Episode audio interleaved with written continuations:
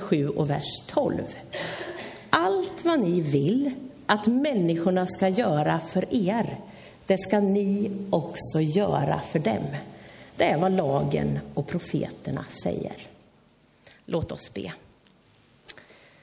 Tack Gud för möjligheten att få samla in pengar till din kyrka, till ditt arbete här i Tranås men också ut över den här världen. Nu ber jag om välsignelse och vishet över de pengar som är insamlade så att de går till rätt saker, så att så många människor som möjligt här i Tranås och ut över vår värld får möjlighet att möta dig. Allt ifrån att kunna ha varm kyrka i vinter, lampor som lyser, personal, till att kunna göra all den verksamhet vi vill. Tack för att du utmanar oss och uppmuntrar oss. Att allt som vi vill att andra ska göra mot oss, det ska också vi göra mot dem. Nu ber jag att ditt ord skulle få tala till våra liv. Där vi är i vår livssituation. Rör vid oss med din ömhet, med din kärlek. Utmana oss på det sätt så som du vill att vi behöver. Låt ditt ord röra vid våra liv. Amen. Här predikan har tre stycken delar. Och den första har vi egentligen redan varit med om. Jag kommer bara återkoppla lite till den. Och det är medlemsvälkomnandet. En viktig del i just den här predikan. Del två är den här lite mer traditionella delen som vi nu närmar oss. Alltså ordets förkunnelse, predikan, massa prat. Del tre är nattvardsfirandet som kommer att avsluta och knyta ihop och vara med i predikan. Men först då, återknyta till det här medlemsvälkomnandet. Vi är ingen åsiktsgemenskap med krav på samsyn i allting. Församlingen bygger inte i första hand på vad vi tycker eller vad vi gör, utan grunden för medlemskap det är vem Gud är och vad Gud redan har gjort och vår vilja att bekänna, vilja, inte krav, utan vår vilja att bekänna Jesus som Herre och frälsare. Alltså församlingen är en relationell gemenskap. Där vi lever i gemenskap med Gud och i gemenskap med varandra. Och våran del som medlemmar, håll dig nära Jesus. Förbli i grenen som jag läste. Lev i ordet, lyssna till anden och dela gemenskapen. Om vi inte gör det, utan om vi lyssnar till många andra röster och vad andra människor skulle tycka och tänka och förvänta av oss att vi ska tro och tycka och ta ställning till och ha åsikter om och anamma, då är det jättestor risk att vi blir en åsiktsgemenskap. Och om vi ska samlas kring åsikter, då dras församlingen isär. Visst kan vi läsa, tolka, tänka, trycka, tro lite olika. Men det innebär inte att allting ryms i den kristna församlingen. Och när vi möter på det där som skaver mot vad jag känner, lev i ordet, läs i ordet, lyssna till anden, prata med varandra och diskutera hur ska vi förhålla oss till det här? Vad tänker vi om det här? Sök Guds ledning. Och för att kunna ha den här öppenheten i en församling där vi kan samtala om och prata om det som vi inte förstår eller tänker eller tycker lika kring, då behöver den här gemenskapen vara trygg. Vi behöver ha en kultur där det är helt okej okay att man får delge sin tro, sina tankar, sina funderingar, till och med sitt tvivel utan att bli dömd eller ifrågasatt eller att någon på en gång ska berätta för mig hur det verkligen är och ligger till. Vi måste ha en frihet och acceptans. Det är okej okay att det får spreta lite. Punkt två, själva predikan. Medmänniskan. Och jag tänker dra det här temat lite grann mot kultur av medmänsklighet. Att vi inte är en åsiktsgemenskap, utan vi är trons gemenskap. Det betyder bland annat att vi har ett tydligt centrum som håller ihop oss. Och jag vill försöka illustrera det med hjälp av den här. Ja. Ett mycket bra, alldeles nytt cykeldäck, cykelhjul och alltihopa. Centrum, det absolut viktigaste, navet här, där alla ekrarna fäster. Och det är ju Jesus. Jesus och ingen annan.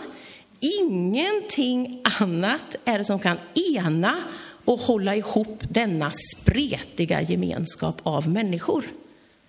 Och vet du vad, den här gemenskapen, den blir man en del av genom att man föds in i den.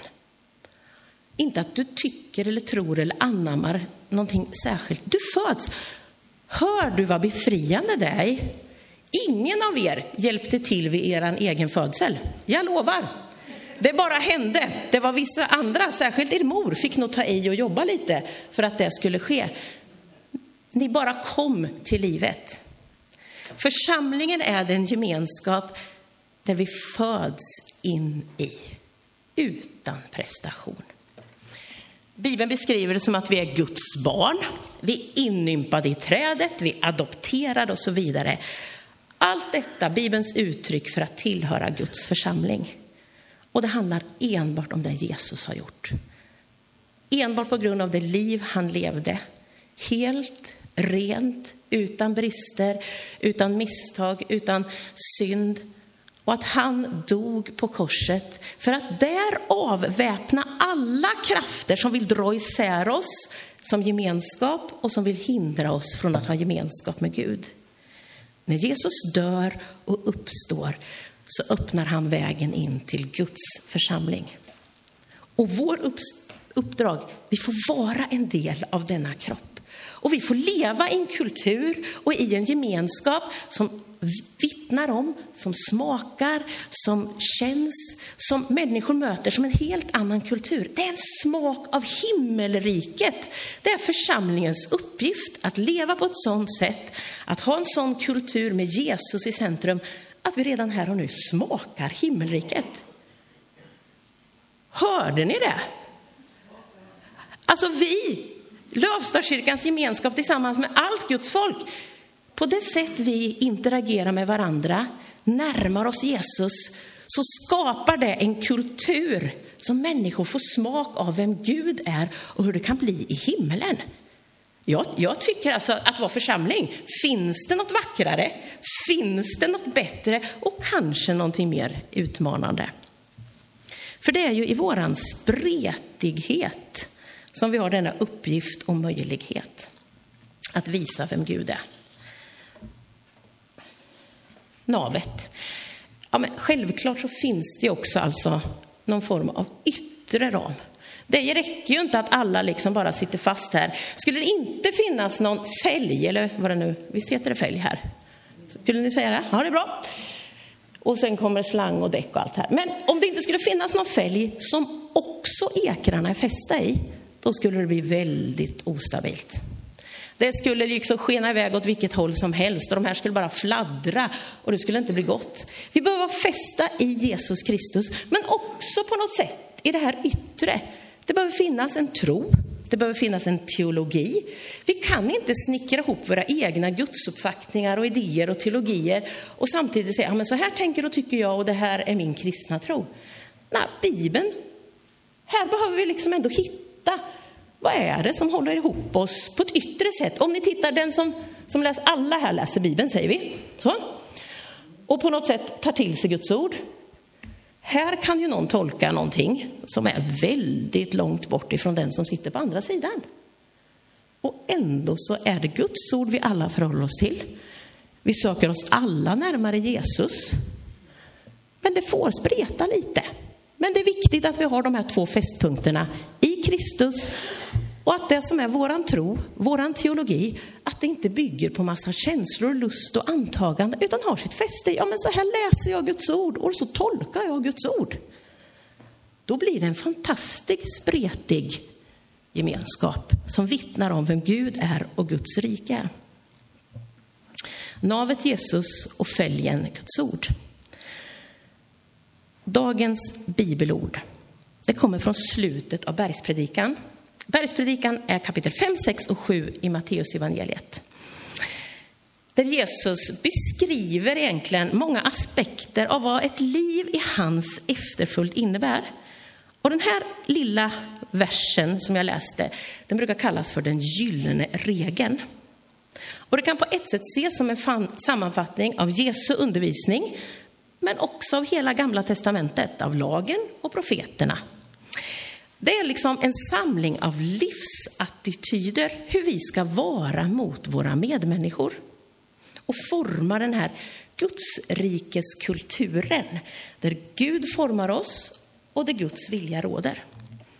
Bergspredikan handlar inte om att prestera detta, utan att Gud får arbeta i våra liv och med våra hjärtan. Och så använder vi det här ordet ibland, ja, men att Gud ska röra vid våra hjärtan. Vad menar vi då? Vad innebär det att Gud skulle göra någonting med mitt hjärta? När Bibeln pratar om hjärtat så är det hela personligheten. Det är intellektet, det är känslorna, det är tankarna, det är vårt förstånd, våra känslor, ja alltihopa.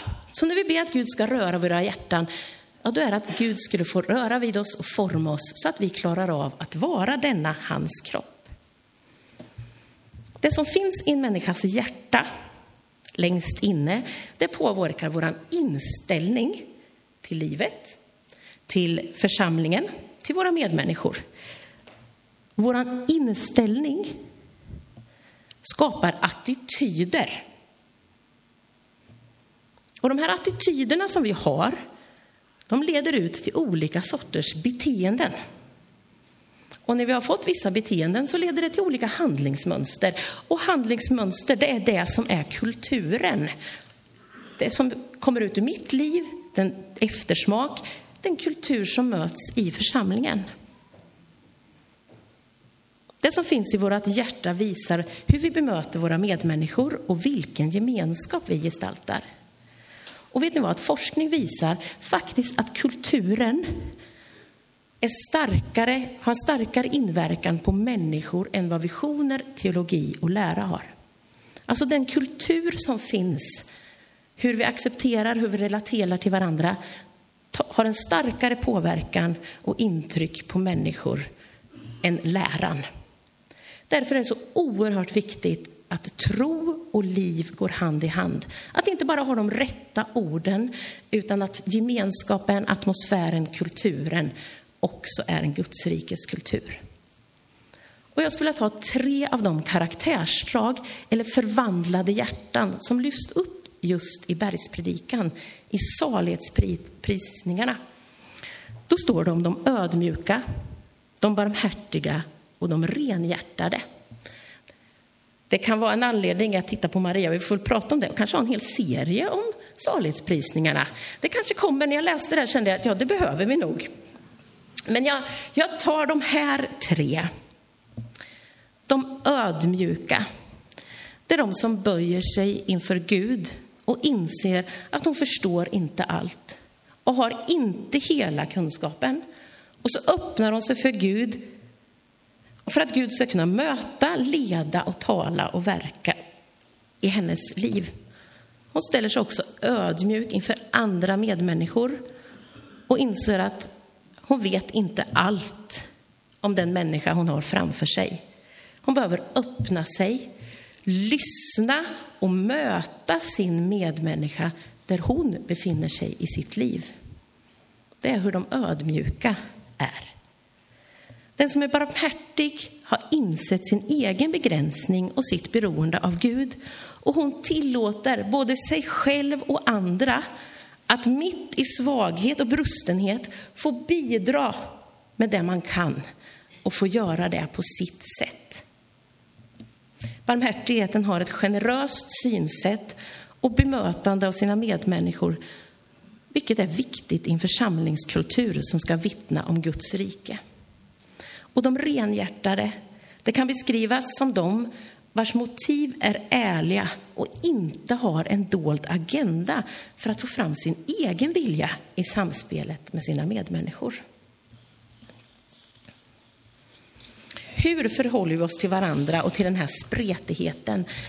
Vad är det som speglas i den kultur som församlingen är bärare av? Allt vad ni vill att människorna ska göra för er, det ska ni också göra för dem. Det är vad lagen och profeterna säger. Det här kan vara ett av de vackraste och största och mest kärleksfulla levnadsregler mänskligheten har fått. Om det utgår ifrån att vi alla möts som medmänniskor och där vi behöver sätta oss in i en annan människas situation för att jag ska kunna tillämpa det här bibelordet på ett bästa sätt. Men det kan annars, om jag inte försöker sätta mig in i min medmänniskas sätt, i värsta fall faktiskt bli dömande, hårt och kärlekslöst. Om det är min önskning, min tolkning, min önskan om hur sakerna ska vara som jag gör när jag behandlar en annan människa. Allt vad jag vill att människorna ska göra. Om jag bara utgår ifrån mig själv. För att förklara det lite enklare. Ikväll tar jag cykeln upp till Furuvik. Det är ju sommarprat. Och jag tänker vad skönt det ska bli att liksom få bara vara, lyssna lite på Lotta Fischerström. Och sen tänker jag trampa hem och jag vill åka upp för den där eländiga backen först. Det blir en bra nedvarvning efter den här veckan. Jag kommer att liksom slappna av, få lite vardagsmotion, lite lyx och där. Och så hem ska jag bara rulla ner och så känna att yes, nu tar jag fart inför en ny vecka. Jag ser fram emot liksom den här cykelturen för att det blir lite återhämtning och tid för egen reflektion. Klockan 19 ser Sven, som då inte är med på Furuvik, att nu kommer regnmolnen indragande över Tranås. Och han tänker, nej stackars Karin, vad jobbigt att hon ska behöva cykla hem i det här regnet. Han monterar då cykelstället på bilen och så kör han upp. Så 19.32 när jag har smäckat i med korven och börjar bli laddad för att ta cykeln hem, då står Sven där ute med ett cykelställ. Hej, säger han och är jättenöjd med att han ska få skjutsa hem mig. Och jag blir faktiskt lite irriterad. Nej, men jag behövde ju cykla hem. Jag behövde få den här tiden. Han handlade ju utifrån vad han tyckte hade varit bäst att jag hade gjort om det hade varit i hans situation. Han funderade kanske inte riktigt på vad det var jag behövde och ville, utan han handlade ju faktiskt utifrån sin inställning till hur det hade varit bra om det hade varit. När du klipper gräset åt grannen utan att fråga så kanske han också blir irriterad, för det är hans enda chans att få lite vardagsmotion. Du handlar i kärlek, i godhet. Men har du mött den andra medmänniskan och frågat vad det är den egentligen behöver? För att den gyllene regeln ska vara i linje med vad lagen och profeterna säger och Jesus sammanfattande undervisning så behöver vi försöka sätta oss in i andra människors livssituation, i deras bakgrund, i deras kultur. Och det gör vi enklast genom att fråga att lyssna, att mötas, att ställa relevanta följdfrågor. Inte att försöka övertyga eller att argumentera. För vi är ju så olika och har olika bagage och olika ryggsäckar med oss. Olika erfarenheter, medgångar och motgångar och så vidare. För att lära känna din medmänniska, för att vara en medmänniska, för att leva efter den gyllene regeln Lär känna dina medmänniskor, din syster och din bror i församlingen. Och så bemöter vi varandra med medmänsklighet, med kärlek och respekt. Vi är inte felfria. Vi brottas med livet och tron. Vi vilar i livet och tron och vi bär varandra i tron. Och det leder oss in på den där tredje delen som är nattvarden. För det är kanske där vi får ihop det hur vi är denna otroligt spretiga gemenskap med Jesus som centrum, ordet som binder, binder oss samman, men vi kan tolka olika. Därför att i nattvarden är det Gud själv som bryts för att vi ska helas. I nattvarden är det Gud själv som delas för att vi ska enas. Enheten i Kristus är nästa veckas tema. Och det finns inget vackrare och mer tydligt exempel på vad enhet är och vad Guds rikes kultur är än nattvarden. För till nattvarden kommer vi inte för att vi måste, utan för att vi får. Inte för att vi är felfria, utan för att vi är älskade. Inte för att vi är färdiga, utan för att vi söker och för att vi behöver gemenskapen med Gud och varandra. Och här, inför nattvardens bord, står vi sida vid sida. i våran mänsklighet, i våran medmänsklighet. Här får vi lägga ner våra liv precis så som de är. Med allt vad det är och innehåller och rymmer. Och där får vi ta emot Gud in i vårt liv och han får röra vid vårt innersta. Hur lever vi det här och hur gestaltar vi en Gudsrikes kultur i vår vardag och här i församlingen? Ett första litet steg eller möjlighet till reflektion över vår kultur och våra liv och hur vi bemöter våra medmänniskor. Tänk på när du går ut härifrån efter gudstjänsten. Vad är det som händer då? Bara reflektera över det. En del kommer gå ut och gå hem. Hur ser det ut? En del av oss går in i serveringssalen. Mm -hmm. Kan vi tänka och titta lite, hur går det till? Var sätter vi oss någonstans? Med vilka sätter vi oss?